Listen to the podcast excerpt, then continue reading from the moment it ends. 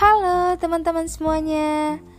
Kembali lagi bersama saya di Pi Podcast.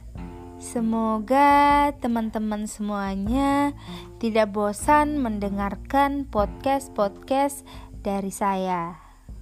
Baiklah, di podcast gue kali ini gue masih membahas tradisi yang ada di Kabupaten Bulukumba namun kali ini merupakan suatu tradisi yang yang berada di daerah suku Kajang. Teman-teman semuanya pasti tahu bahwa suku Kajang ini seperti apa. Ya, suku Kajang ini terkenal dengan pakaiannya yang berwarna hitam. Karena menurut suku Kajang, Hitam merupakan sebuah warna adat yang kental akan kesakralnya. Dan warna hitam mempunyai makna bagi masyarakat suku Kajang sebagai bentuk persamaan dalam segala hal, termasuk kesamaan dalam kesederhanaan. Dan tidak ada warna hitam yang lebih baik antara yang satu dengan yang lainnya. Semua hitam adalah sama. Menurut suku Kajang, warna hitam menunjukkan kekuatan, kesamaan derajat bagi setiap orang di depan Sang Pencipta, kesamaan dalam bentuk wujud lahir, menyikapi keadaan lingkungan, utamanya kelestarian hutan yang harus dijaga keasliannya sebagai sumber kehidupan dari suku Kajang. Teman-teman semuanya, di suku Kajang ini terdapat dua daerah, di mana terdapat daerah Kajang luar dan daerah Kajang dalam. Daerah Kajang luar merupakan daerah yang sudah bisa menerima peradaban teknologi seperti listrik, handphone, kendaraan, dan lain-lain. Berbeda halnya dengan Kajang dalam ini, teman-teman, yang tidak dapat menerima peradaban sama sekali. Itulah sebabnya di daerah Kajang tidak terdapat listrik, bahkan memakai sendal atau sepatu pun saat mereka bepergian, mereka tidak mengenakannya karena mereka menganggap bahwa alas kaki, baik itu sendal atau sepatu, termasuk sebuah teknologi yang modern. Bukan hanya itu, bentuk rumah kajang dalam dan kajang luar sangat berbeda. Di kajang luar, di kajang luar, dapur dan tempat buang airnya itu terletak di bagian belakang rumah, sama halnya dengan rumah-rumah pada umumnya.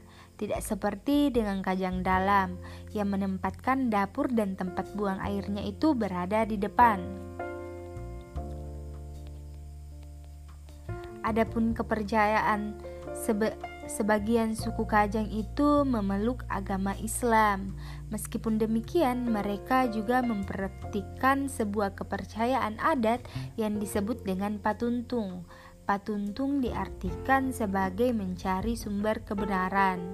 Hal itu menyiratkan bahwa apabila manusia ingin mendapatkan sumber kebenaran, maka mereka harus menyandarkan diri pada tiga pilar, yaitu Tuhan, tanah, dan nenek moyang.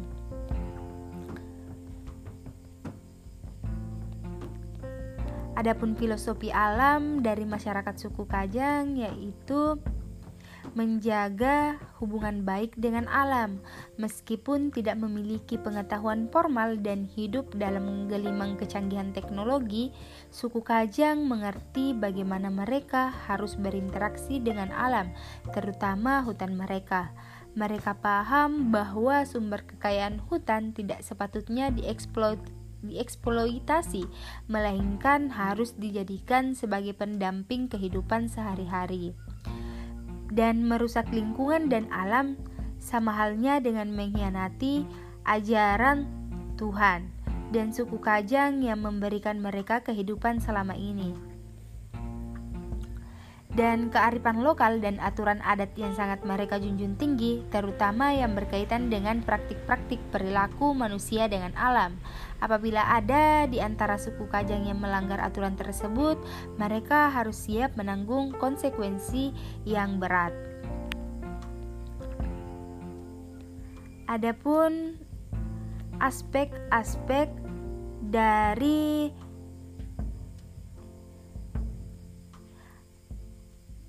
menjunjung tinggi tata cara pergaulan yang sopan dan santun. Adapun beberapa adat istiadat yang mencerminkan hal itu antara lain yang pertama ada adat istiadat dalam bertutur kata, adat istiadat dalam berpakaian dan nilai-nilai sosial. Mungkin itu saja yang bisa saya jelaskan dari tradisi yang ada di suku Kajang. Semoga bermanfaat buat teman-teman semuanya. Dan jangan bosan untuk mendengarkan podcast-podcast selanjutnya. Semoga bermanfaat. Bye bye.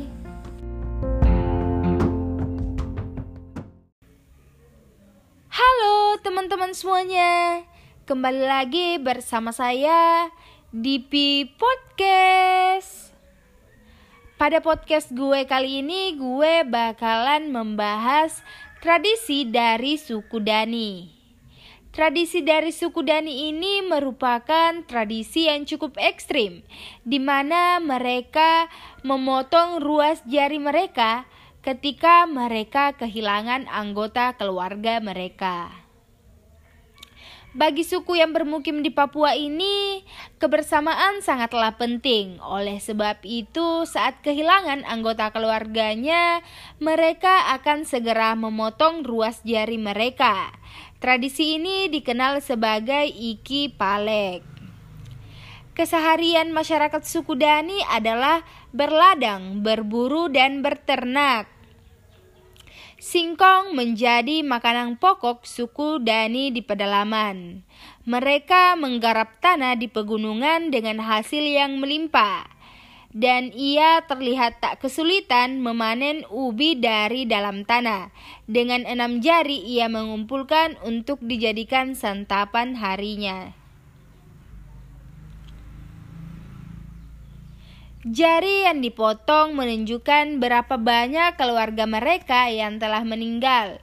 Meskipun mayoritas wanita yang melakukan tradisi ini, tetapi pria juga ikut melakukannya sebagai bentuk kesedihan. Menurut anggota suku Dani, Menangis saja tidak cukup untuk melambangkan kesedihan yang mereka rasakan. Rasa sakit dari memotong jari dianggap mewakili hati dan jiwa yang tercabik-cabik karena kehilangan anggota keluarga mereka. Selain itu, alasan mereka memutuskan untuk melakukan tradisi iki palek ini adalah karena jari dianggap sebagai simbol harmoni, persatuan, dan kekuatan. Bagian tubuh tersebut juga menjadi lambang hidup bersama sebagai satu keluarga, satu marga, satu rumah, satu suku, satu nenek moyang, satu bahasa, satu sejarah, dan satu asal. Jika digabungkan, bentuk dan panjang jari mereka memiliki kesatuan dan kekuatan untuk meringankan beban semua pekerjaan. Masing-masing jari bekerja sama sehingga tangan dapat berfungsi dengan sempurna. Jika kehilangan salah satunya, itu berarti kebersamaan dan kekuatan akan berkurang. Biasanya anggota suku Dani ini akan menggunakan kapak atau pisau tradisional untuk memotong jarinya.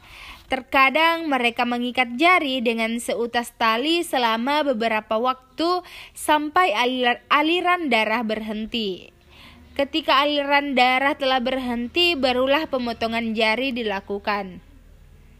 Selain bantuan benda tajam, suku Dani juga terbiasa memakai gigi untuk memotong jari mereka.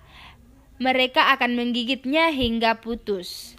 Tentu rasa sakitnya memang tidak bisa dibayangkan, namun sebagai tanda kesetiaannya, hanya ini yang dapat mereka lakukan.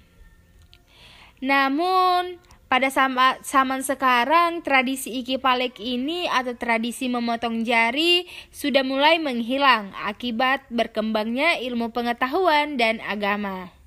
Meski begitu, di antara anggota suku Dani masih bisa ditemui orang-orang tua yang telah kehilangan jari-jari mereka sebagai bagian dari tradisi Iki Palek ini.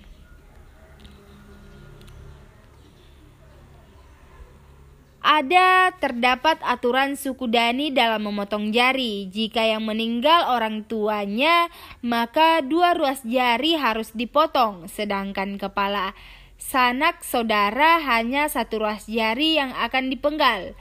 Potong jari hanya dilakukan oleh wanita suku Dani. Bagi pria, mereka melakukan potongan telinga. Daun telinga akan dipotong dengan bilah bambu tajam hingga bagian telinga terpisah dan mengeluarkan darah. Tradisi potong telinga biasa mereka sebut dengan nasu palek. Iki palek dan nasu palek juga harus diiringi dengan mantra. Tujuannya sama untuk menghormati dan menunjukkan kesetiaan kepada anggota keluarga mereka yang telah meninggal mendahului mereka.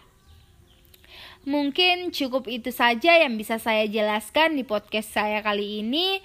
Semoga bermanfaat tentang tradisi dari suku Dani. Semoga menjadi pelajaran untuk teman-teman semuanya. Dan jangan bosan untuk mendengarkan podcast-podcast saya selanjutnya. Bye bye.